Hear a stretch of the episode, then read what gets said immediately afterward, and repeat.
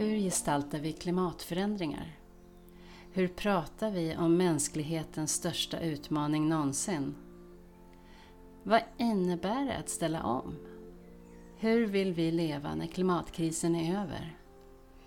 Vilka är berättelserna och vad gör de med oss? Välkommen till Omställningsberättelser. Här utforskar vi kulturens roll i övergången till en fossilfri värld. Genom vår podcast låter vi konstnärer komma till tals i samtal med forskare, omställare, beslutsfattare och andra konstnärer om hur vi kan besvara de här stora frågorna. Jag heter Johanna Byström Sims och är konstnär. I det här avsnittet pratar jag med Alexandra Nikoleris, forskare vid Lunds universitet. Vårt samtal rör sig runt tankar om berättande, meningsskapande och språk.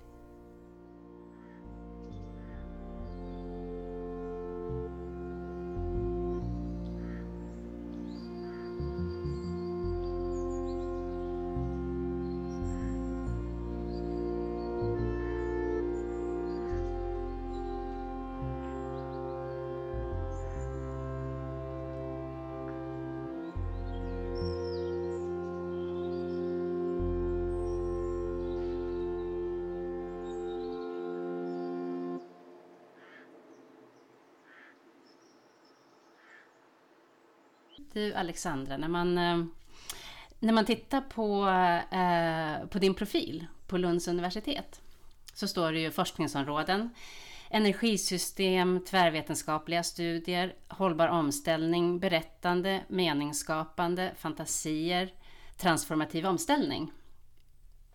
Som ju låter så fantastiskt spännande. Men det är ju, det, jag tycker man får ju verkligen en bild av en, någon som är liksom nyfiken på andra människor. Eh, och eh, jag, har ju, jag har ju jobbat en del med forskare inom olika områden i diverse eh, konstnärliga projekt. Och jag, det jag tycker är så påfallande är den här eh, samhörigheten som man känner i den här otyglade nyfikenheten. Liksom, att man kan inte låta bli att ta reda på mer, för det är liksom, ja, men man måste bara. liksom så. Men eh, jag är ju nyfiken på att höra vad det var som fick dig att börja forska på just ja, till exempel berättande. Alltså jag skulle nog säga att jag gled in i det här med berättande. När jag började som doktorand då så hade min handledare precis avslutat ett projekt där deras huvudslutsats på något sätt var att vi behöver en ny berättelse. För att samhället ska kunna ställa om så behöver vi en ny på något sätt samlande berättelse. De jämförde med folkhemmet och liksom den här framstegstanken men att den skulle handla om den gröna omställningen eller det gröna folkhemmet. Eh, och det tyckte jag var en så intressant slutsats. Hur hade de egentligen kommit fram till det och, och vad, vad betyder det? Vad betyder det här att ha en gemensam berättelse och är det verkligen en gemensam berättelse som behövs på något sätt? Jag ser ju, liksom, upplever ju väldigt starkt att konsten eh, och kulturen är meningsskapande på en personlig nivå. Eh, men frågan är på vilket vis den är meningsskapande på en samhällelig nivå. Eh, och där, det har ju också att göra då med liksom, hur är berättandet? Eh, hur tänker du på just meningsskapande genom berättande och eller kultur? Um, alltså det här med meningsskapande, så som jag ser det så, eh, så sker ju det här meningsskapandet på något sätt både på en kollektiv nivå och på individnivå samtidigt att det finns ett utbyte däremellan. Och att eh, kanske är det här utbytet som jag är, är framförallt intresserad av. Alltså hur, hur pågår de här processerna samtidigt? Och för mig blir då kultur och, och konst, det blir ett av alla sätten som vi som, som människor och samhälle skapar mening. Därför att um, genom konsten eller kulturen så kan vi också få gemensamma referensramar på något sätt.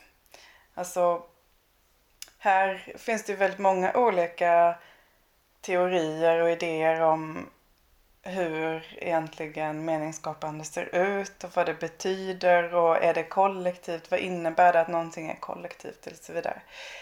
Eh, men jag utgår från en typ av teoribildning som menar att ja, men, när vi säger att det finns någonting kollektivt så är det någonting som vi alla kan referera till. Det betyder inte nödvändigtvis att vi alla håller med om eller har ens samma tolkning av det där. Eh, men det finns någonting som är visserligen på olika sätt tillgängligt för alla människor. Eh, och på det sättet så tänker jag att eh, kulturen kan ha en väldigt viktig roll Eh, för att skapa just de här gemensamma så att säga referensramarna som vi tillsammans kan förhålla oss till. Och även om vi förhåller oss olika till dem så har vi ändå på något sätt en gemensam berättelse eller objekt eller uttryck som vi kan cirkulera kring. Om man säger så. Mm. Mm, det blir ju ett annat språk att vi använder, som vi använder som är något annat än äh, det skrivna eller det talade. Precis. Mm. Ja. Um, men annars, du, du läser ju väldigt mycket, eller hur? För mm. du, du drar ju ofta paralleller till eh, litteratur i, i de samtal som, som vi har.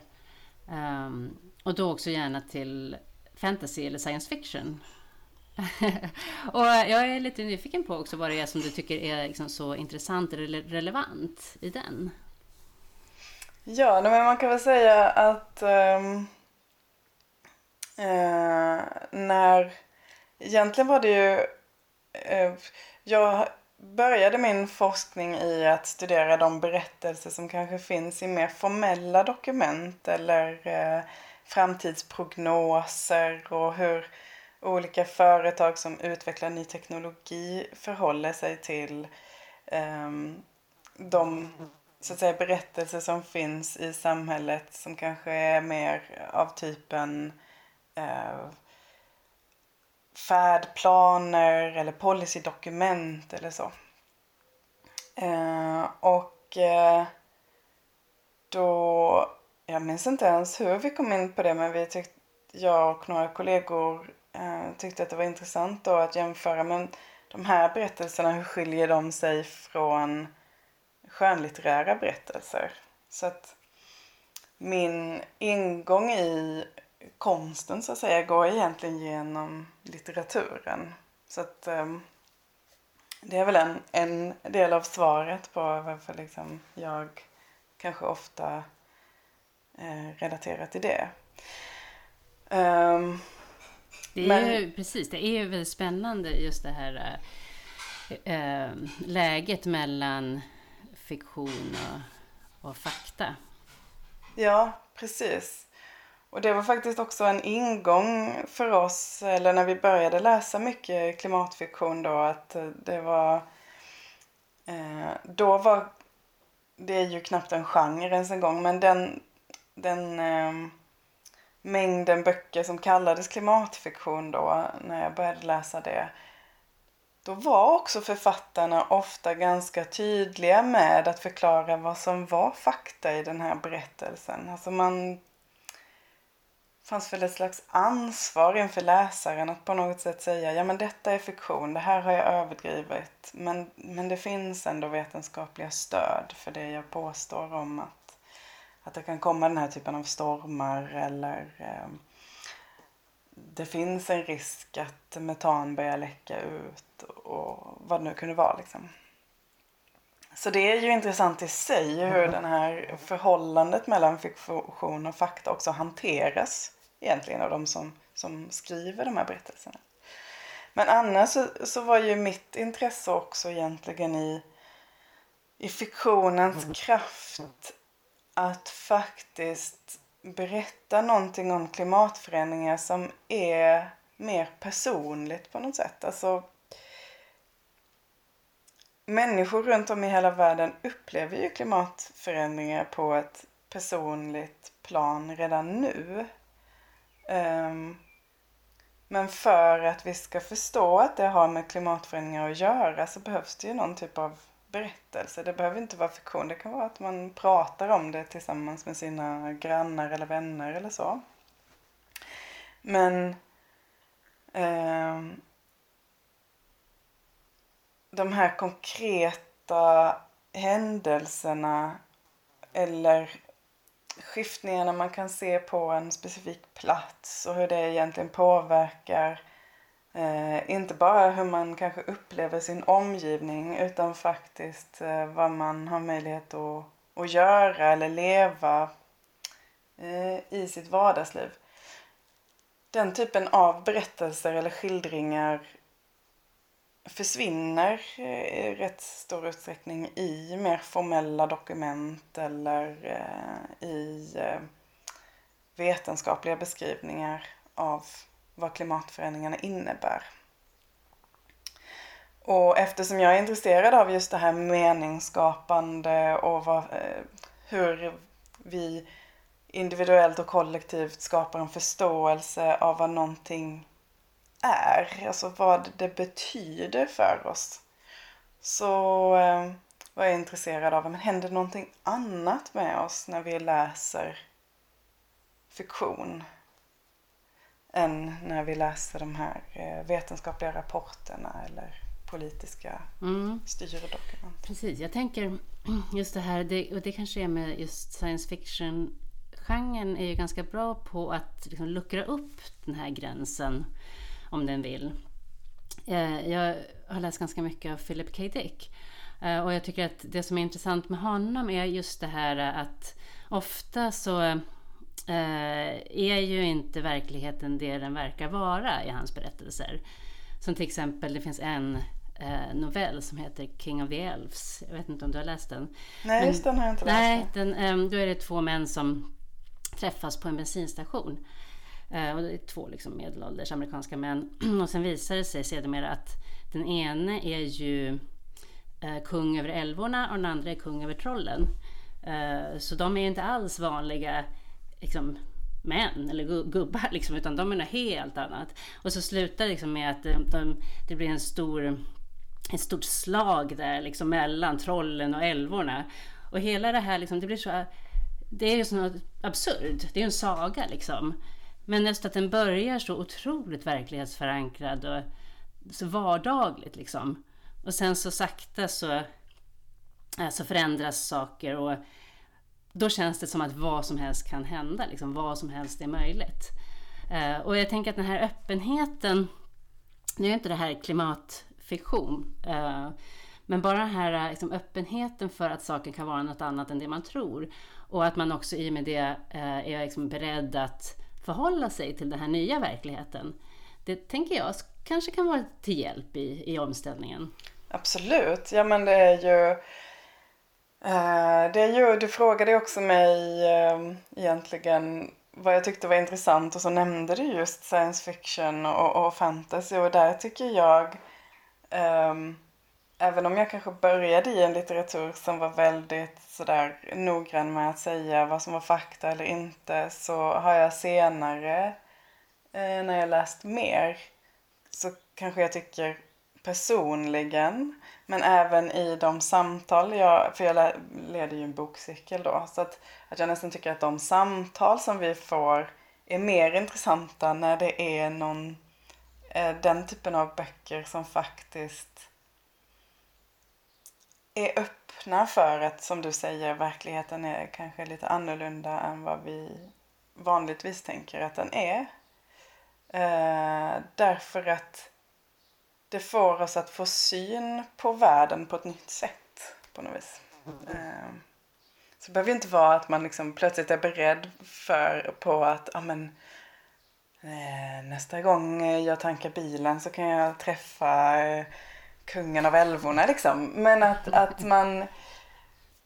Att, att det blir ett... Det blir... Ehm, Både när man själv läser men när man samtalar med andra så finns det ett större utrymme att, att ja, men se världen och nio på något vis. Och det tror jag kan vara ganska viktigt att, att göra när vi står inför en stor, så stor kris som ändå klimatförändringarna är. Precis, och det är väl kanske det som är kärnan i det här utbytet mellan forskare och konstnärer, tänker jag. Att jag, när jag lyssnar på forskare som berättar om sina områden så öppnar ju det upp för just som du säger, helt nya sätt att se, se på världen. Och det hjälper också mig att formulera mina egna tankar omkring mitt konstnärliga arbete. Um, och jag tänker mig att det kanske är motsvarande då, uh, om man vänder på steken. Det är som klimatmodellering eh, är ju det är ju ett sätt att föreställa sig olika framtidsscenarier. Uh, och då är, det blir väl då som ett liksom, sätt att skapa eh, ett eget eller olika möjliga narrativ uh, för de här klimatförändringarna. Det är ju, alltså som när man forskar på det här så är det ju väldigt, väldigt liksom, noga hur i min känsla av det i alla fall, liksom hur man tänker på det, hur man pratar om det, hur man eh, kommunicerar det här så att det inte används på fel sätt eller så. Eh, för det är ju lätt kanske att bli lite sådär, ja men det verkar ganska fantastiskt att kunna se in i framtiden och det är ju inte det man gör. Men det kan ju kännas så när man tittar på det liksom som en, ja men en utomstående, om man tittar lite, lite liksom hastigt på det. Mm.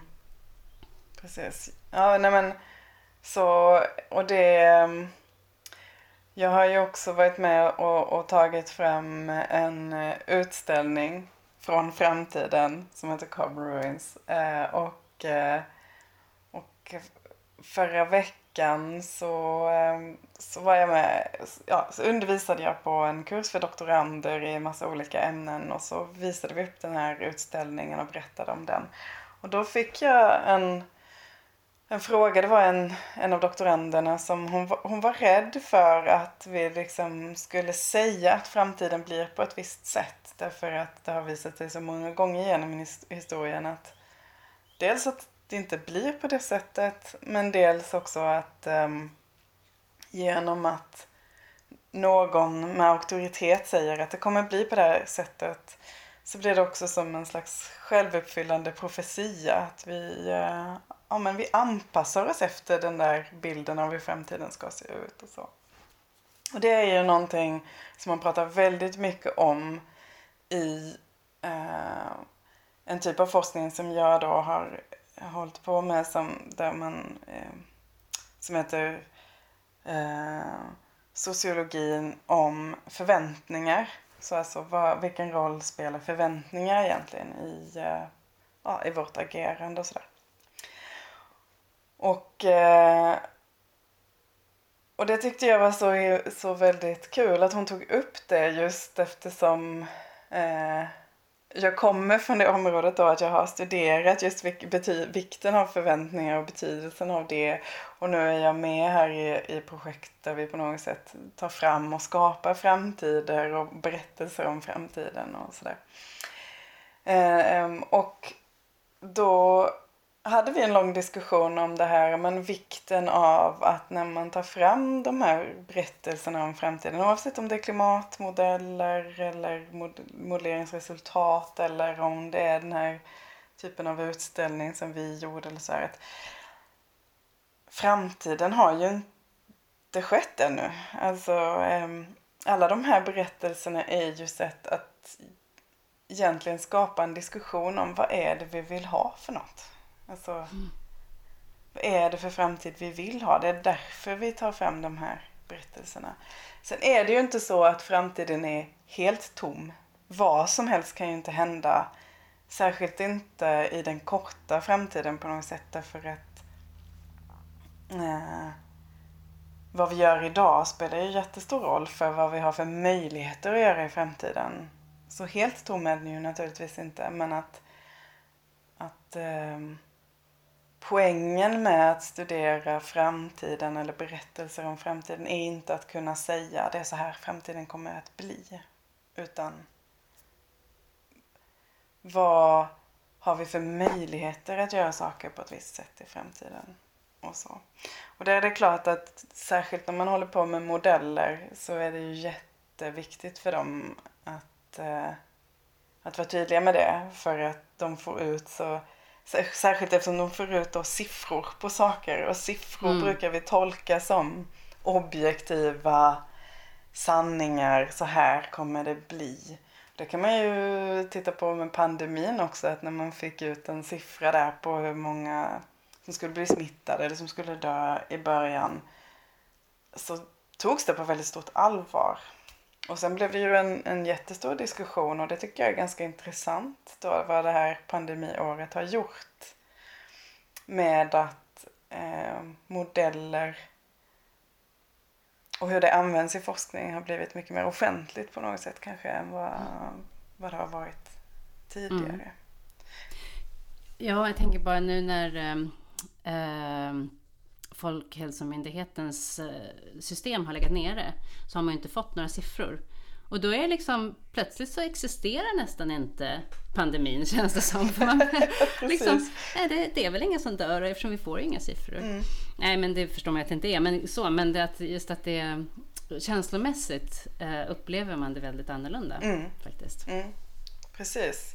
Och det Nej men och där finns ju, jag tänker också tänka om vi hade haft eh, något liknande för klimatförändringen. Att man hade varje dag hade matats med någon siffra på vad hade det, hade det gjort någonting med oss? Jag har börjat fundera på det liksom. Mm.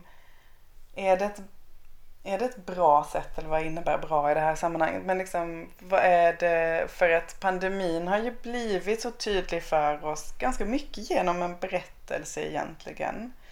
Särskilt då för oss som har haft möjlighet att jobba hemifrån och, och isolera oss ganska mycket. Det är det verkligen inte alla som har kunnat göra men vi som har kunnat göra det har ju upplevt pandemin väldigt mycket genom nyhetsrapportering och just de här mm. siffrorna som du säger. Mm. Och det är ju väldigt bra exempel på hur berättelser formar vår eh, förståelse mm. för verkligheten. Dagens Nyheter har ju börjat göra en nedräkning eh, på dagar då tills eh, när, det liksom, när det kommer att vara för sent. Eller ska säga. Och jag, jag, antar att det är just av den anledningen som du säger, att skapa någon form av medvetenhet och väcka känslor och eh, skapa en berättelse om det. Nej, men det är ju det är helt klart en jättestark berättelse. Och det är den, nu har inte jag studerat den, just den berättelsen utan det här är verkligen bara mina egna personliga reflektioner. Men jag tänker att den både, alltså att den fyller en väldigt många olika funktioner på något sätt. Det är ju ett sätt att skapa uppmärksamhet kring detta. Att um, vi kan inte låtsas som att ja, men bara vi minskar utsläppen över tid så kommer det här gå bra. Utan det handlar om någonting som vi en, det är på något sätt ganska bråttom ändå. Mm. Eh, och eh, därför att ett problem med ifall eh, medeltemperaturen på jorden höjs med över två grader är att vi också då kan sätta igång en massa självförstärkande processer. Så på det sättet så tänker jag att, att den berättelsen behövs. Den behövs för någon slags krismedvetande och sådär. Mm. Samtidigt så tycker jag att den kanske också kan vara kontraproduktiv för det låter det som att ja, men antingen gör vi det här nu eller så så är det kört. Ja. och riktigt så är det ju såklart inte. Alltså, det är ju bättre att vi gör någonting än att vi inte gör någonting alls. Oavsett mm. om vi klarar det där målet, tänker jag. Mm. Ja, jag är nyfiken på att se nu. FNs klimatrapport som läckte ut var ju inte så, eh, eh, så rolig läsning. Eh, och där undrar jag liksom hur den kommer att förmedlas och vad den för med sig. Det blir spännande att se. Men du, jag tänkte gå tillbaka lite till det här äh, med förväntningar. För det tycker jag är intressant i, både i forskning och i konsten, vad man har för förväntningar på den. Tänk, på din, liksom, hur, hur ser du på din egen forskning? Är det um, någonting som kan leda till förändring eller liksom ser du det mer som ett hopsamlande av information som man kan sen liksom kan gå tillbaka till i framtiden och ha nytta av? Eller är du liksom i nuet och um, undersöker eh, samtiden? Eller den samtida utvecklingen? Jag tänker att min egen forskning gör, bo, alltså gör två saker. Det ena är att, jo men jag tror nog ändå att jag, jag ser min forskning som ett sätt att stimulera förändring kanske. Snarare än att eh, säga vad vi ska göra. Eh, men att eh, den typen av forskning som jag gör som handlar rätt så mycket om att vara i dialog med andra aktörer eh, i samhället, andra grupper än forskare. handlar om att eh, ja, men i en sån utbyte så kan jag vara en slags eh, facilitator för att öppna upp samtalet. Och där tänker jag att det också finns en stor likhet mellan konst och den typen av forskning som jag gör. Att, mm. Jo men vi vill skapa nya möjligheter för oss som samhälle att, att prata om det här, att, att diskutera det. Eh, att, att vi måste ha ett demokratiskt samtal om vad samhället är, vad klimatförändringar är, vad vi vill göra åt dem och så vidare. Så det tänker jag är är på något sätt också att bidra till förändring. Mm. Eh, men sen har jag ju också min nyfikenhet, det här som vi var inne på tidigare, där jag också vill förstå och förklara eh, varför gör vi på vissa sätt? Eh, vad är det egentligen som bidrar till någon typ av förändring? Och det är ju mer ett, en, ett studie av samtiden. Att mm. förstå de processer som pågår och, och att försöka förklara dem. Mm. Och sen är det ju, liksom, det är ju en förhoppning såklart att eh, det jag kommer fram till kan vara användbart när någon annan vill sätta igång en förändringsprocess. Att ta lärdomar av, av det jag har studerat då.